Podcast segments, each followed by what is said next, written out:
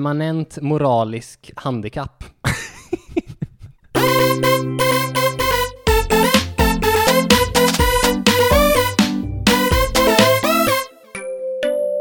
Hej och välkomna till Varför blev han vald?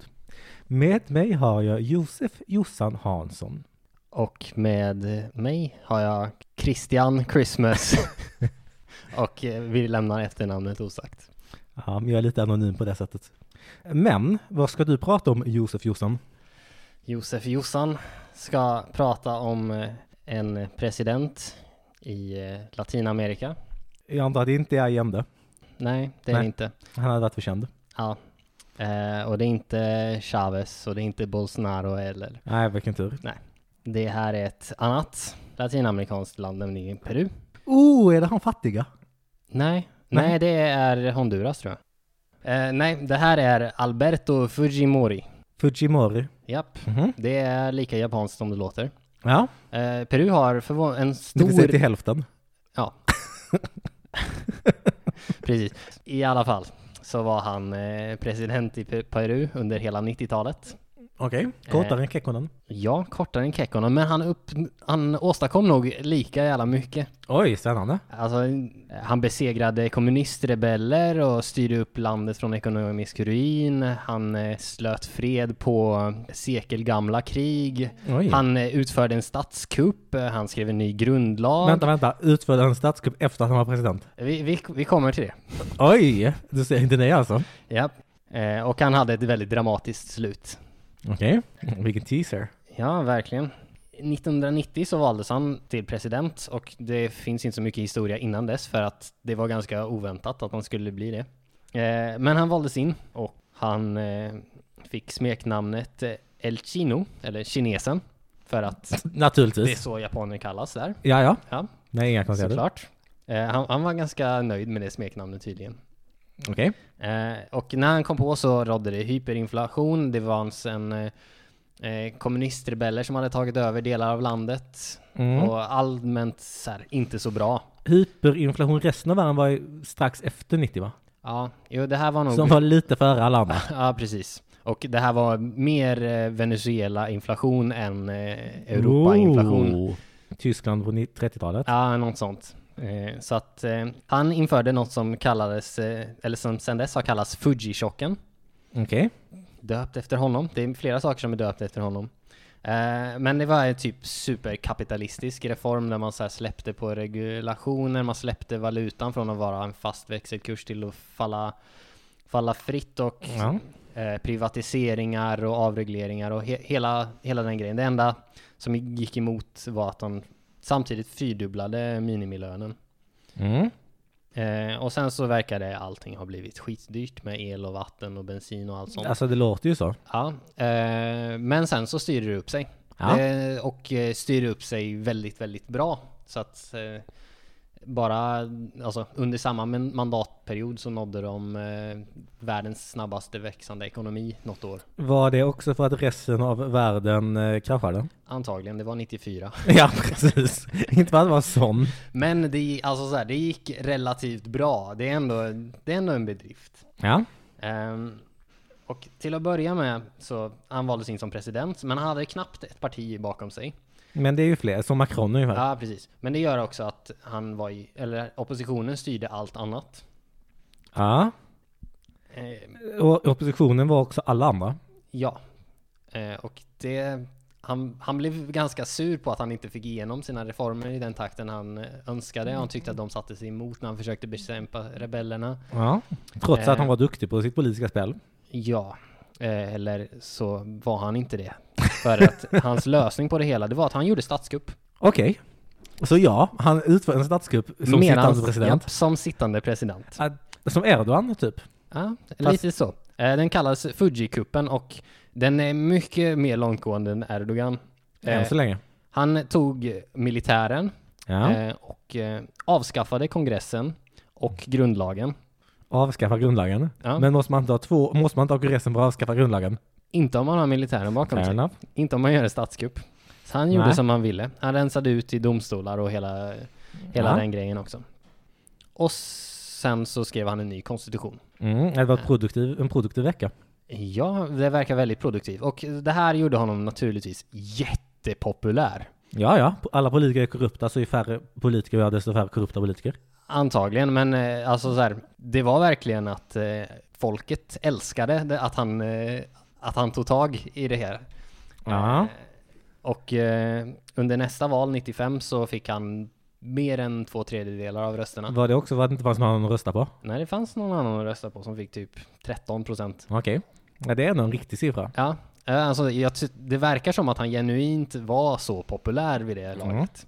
Vilket är ganska sjukt. Och ja, han fortsatte där med att sluta fred med Ecuador som, och ta slut på det, den längsta väpnade konflikten i eh, Amerika någonsin. Eh, och sen så gjorde han någonting liknande med Chile. Så att eh, han var definitivt en man som fick saker gjort. Ja, Det låter ju så. Men varför är inte han politisk förebild för alla? Det kommer vi till. Oj! Spännande! Han gjorde alltså mer än så här. Ja, ehm, så här, så under hans andra b- mandatperiod då började ju landet gå lite bättre. Vilket gjorde att folket började lite mer bry sig om saker som yttrandefrihet, Den där jävla rottrappan. Ja, precis. Ehm, började, hans eh, smeknamn gick från El Chino till Mm. Chinochet. Oh, den är lite fyndig faktiskt. Den är lite fyndig. Men han satt sina två mandatperioder i alla fall. Ja. Eh, och sen så till valet 2000. Man får bara sitta i hans, den nya gr- grundlagen som han var med och skrev. Oh, en Kekkonen. Mm, Så får man bara sitta i två mandatperioder. Ja. Eh, men han lyckades övertyga domstolarna om att eh, den lagen skulle inte gälla honom personligen. Naturligtvis inte. Nej. Han vill ju sitta längre. Hallå? Ja, precis. Eh, och det, det fick han med sig. Eh, Så Ja. han fick ställa upp i val igen. I slutändan så vann han valet, men Mm. inte med så jättestor marginal. Och det utlyste massa protester i många veckor. Och sen därefter så kom det också fram att han, eh, han var väldigt bundis med deras eh, underrättelsetjänstchef. Eh, Och använde den för att så här, avlyssna journalister och eh, muta andra politiker och sådana Det där hade grejer. jag Och också det gjort. började mer och mer komma fram. Eh, Så Så att han det, faktiskt chinochettade den. ja, eh, så det började bli problematiskt för honom att sitta kvar. Så han flydde Till Japan. till Japan Ah. eh, och eh, sa upp presidentskapet via fax. Som en Detta sån var där- ändå 00-talet. Japp. Ja. Och det här var, så det här var någon sån där, eh, ni kan inte sparka mig, jag slutar. ja, ja. Eh, varpå Peru svarade med, du kan inte sluta, vi sparkar dig. Ja, just det. Så de, Så då b- fick han avgångsvederlag. nej, de godtog inte hans avskedsansökan, utan tog istället och avsatte honom. Ja, ja, visst. Det var i alla fall ömsesidigt. Men, men det är det, det, det roligaste eh, är varför de avsatte honom officiellt är på grund av permanent moralisk handikapp. Den är ganska hemsk. Den är ganska hemsk. Ja. Och efter det så börjar, ja, sen sen blir det som det brukar bli. Han anklagades för eh, en massa grejer. Eh, bland annat korruption och försi- förskingring, som vi, Vilket han förmodligen var skyldig till. vilket han förmodligen var skyldig till. Eh, han anklagades också för mord, kidnappning Alltså, och brott mot mänskligheten. inte så att det var så, men han genomförde en statskupp. Ja, och, eh, och det, det var faktiskt inte ens eh, eh, i samband med det, utan i samband med hans eh, krossande av rebellerna som... Eh, Ja, just det. Ja. så. Men eh, han verkade faktiskt vara skyldig till det också. Ja. Eh, Däremot så hade han hunnit bli japansk medborgare eh, och de ville inte utlämna honom. Nej. Så han satt där.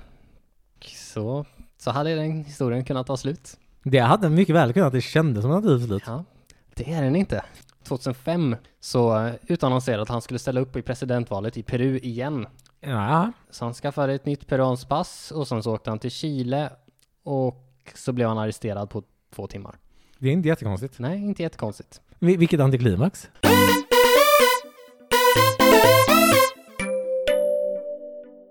Har du en liknande historia på lut? Eh, nej, faktiskt inte alls. Det är, är möjligen korruption. Nej, det är inte. Lite maktfullkomlighet kanske. Fast Okej. inte från partiet jag ska prata om, de anklagar andra för det. Vi ska norrut. Jävligt långt norrut. Jävligt långt norrut. Norr, jävligt långt som i Stockholmstrakten eller polcirkeln. Det, det är svårt Norr- att veta med norr- dig som kommer från Skåne. Norr om polcirkeln. Till Kiruna ska vi. Ah, Okej. Kiruna. Staden som ska flytta. Eh, Där finns det potential för korruptionsskandaler. ja, vad eh, associerar du med Kiruna? Eh, gruva och Ja. att den ska flytta. Ja. Eh, vad ser du för politisk färg i Kiruna? Någonstans mellan sosserött och eh, kommunistrött. Alltså lite så. Eh, Kiruna är ju känt för att de ska flytta. De har en väldigt vacker kyrka också. De har också en väldigt rolig skylt. De har ett gatukök med en skylt där det står eh, vi har öppet eh, typ torsdagar. I- Ibland så kommer vi redan vid två, men ibland så kommer vi inte förrän vid fyra och så stänger vi lite när vi känner för.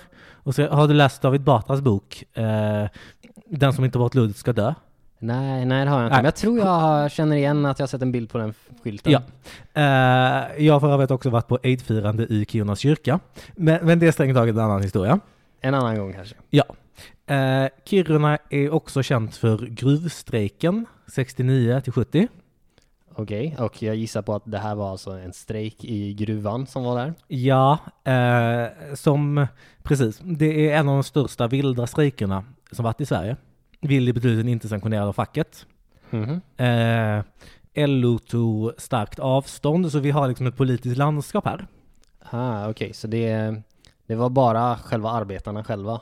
Ja, precis. Och, eh, men, nu spårar vi fram 40 år.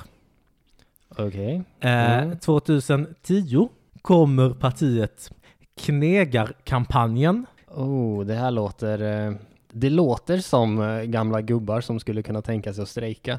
Ja, de är inte så gamla faktiskt, men eh, Knegarkampanjen kommer in med en snubbe i Kirunas kommunfullmäktige. Okej. De Mm. ställer även upp i typ Gällivare eh, och något ställe till, jag vill säga Arjeplog, något sånt. Eh, Kom de in där? nej, det var Det bara, var bara i Kiruna. bara Kiruna. Och de satt där i två mandatperioder. Så till senaste valet nu 2018 Så åkte de ut. så ställde de upp, men de tryckte inte några valsedlar eller någonting. Och de valde aktivt för att de, hade, de inser ju att den riktiga makten, den finns inte i Kiruna kommunfullmäktige, Right. utan den finns i LKABs styre. Ah, Okej. Så ska de försöka få makt i den styrelsen istället alltså? Jag tror, alltså det är ju målet naturligtvis. De vill, de vill ju ha eh, arbetarstyrda företag. Ja. Eh, Den typen av grejer. Det är, Ja, Ah, okej. Ja, det är Striden står rimligt. mellan arbetare och kapitalet. Det är väldigt mycket marxistisk grundanalys här som vi pratar om. Mm, ja, det, det hör man nästan på namnet. Knäckkampanjen. Ja, när de eh, la ner, så när partiet, eller partiet lades ner i november förra året, alltså några månader efter valet bara. Ja. Eh, och då, när man lägger ner en förening, ska man ju bestämma vad man ska göra av eventuella innestående medel. Japp. Eh, och de skänkte det till ett fackförbund, kan du gissa vilket? Var det ett eh, egenstartat fackförbund? Nej, det var Hamnfyran. Ja, jo, jag förstår att de är själsfränder. det, det är inte ens konstigt tycker jag. Mm. Nej. Och Kiruna, de, eh, de har ganska många partier där. Alltså, Mm. har de... eh, Det- Jag hade trott att det skulle kunna vara en sån kommun där det är liksom Vänsterpartiet och sossarna har 60% av rösterna och sen så är det tre av de andra partierna som får samsas om Nej. resten. Nej, alla nio partier som finns i många andra kommunfullmäktige Ja. är med. Okej. Eh, och utöver det så har de sjukvårdspartiet. Okej. Mm. Eh, och det är många typ gamla sossar som eh, tycker att eh, det är för lite som händer i Norrland liksom. Eh, Ja. Och det är samelistan, det är inte heller konstigt. Nej. Och så finns det något som heter Nya Kirunapartiet. Jag vet inte riktigt vad de gör. Jag vet inte riktigt heller när Kirunapartiet. första Kirunapartiet existerade. Nej. Och analysen är ju inte... Den är ganska norrländsk.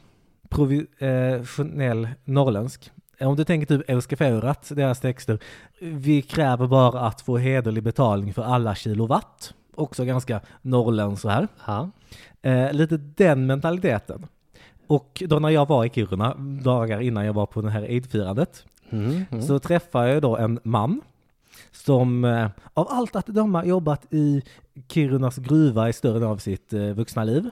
Och han eh, menar då att eh, eh, främsta anledningen, fram, eller den enda anledningen till att vi har fri eh, högskoleutbildning i Sverige, Ja. det är LKAB. Det är LKAB.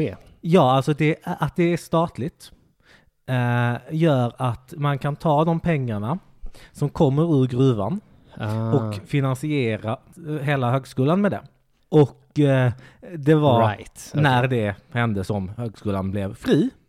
Och eftersom jag inte har hört någon säga emot honom, Så, så, så kör vi på det alltså. ja jag tycker det. Ja. Jag hittar inga källor emot, framförallt Nej. har jag inte letat. Ja, Okej, nej men eh, en gubbe på stan sa det till eh, Christmas en gång. På tåget, ja. Alltså är det så.